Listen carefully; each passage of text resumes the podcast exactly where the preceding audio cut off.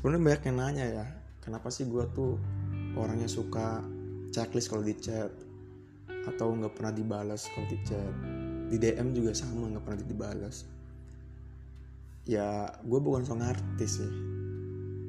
Tapi ya nggak apa-apa lah itu mungkin resiko gue kayak gini ya. Gue dianggap seorang artis dianggap sombong dan lain sebagainya. Tapi bagi gue gini teman-teman.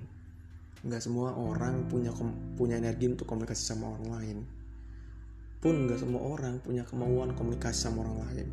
Terkadang kita hanya butuh komunikasi dengan diri sendiri. Kayak gue nih misalkan. Gue buka HP nih.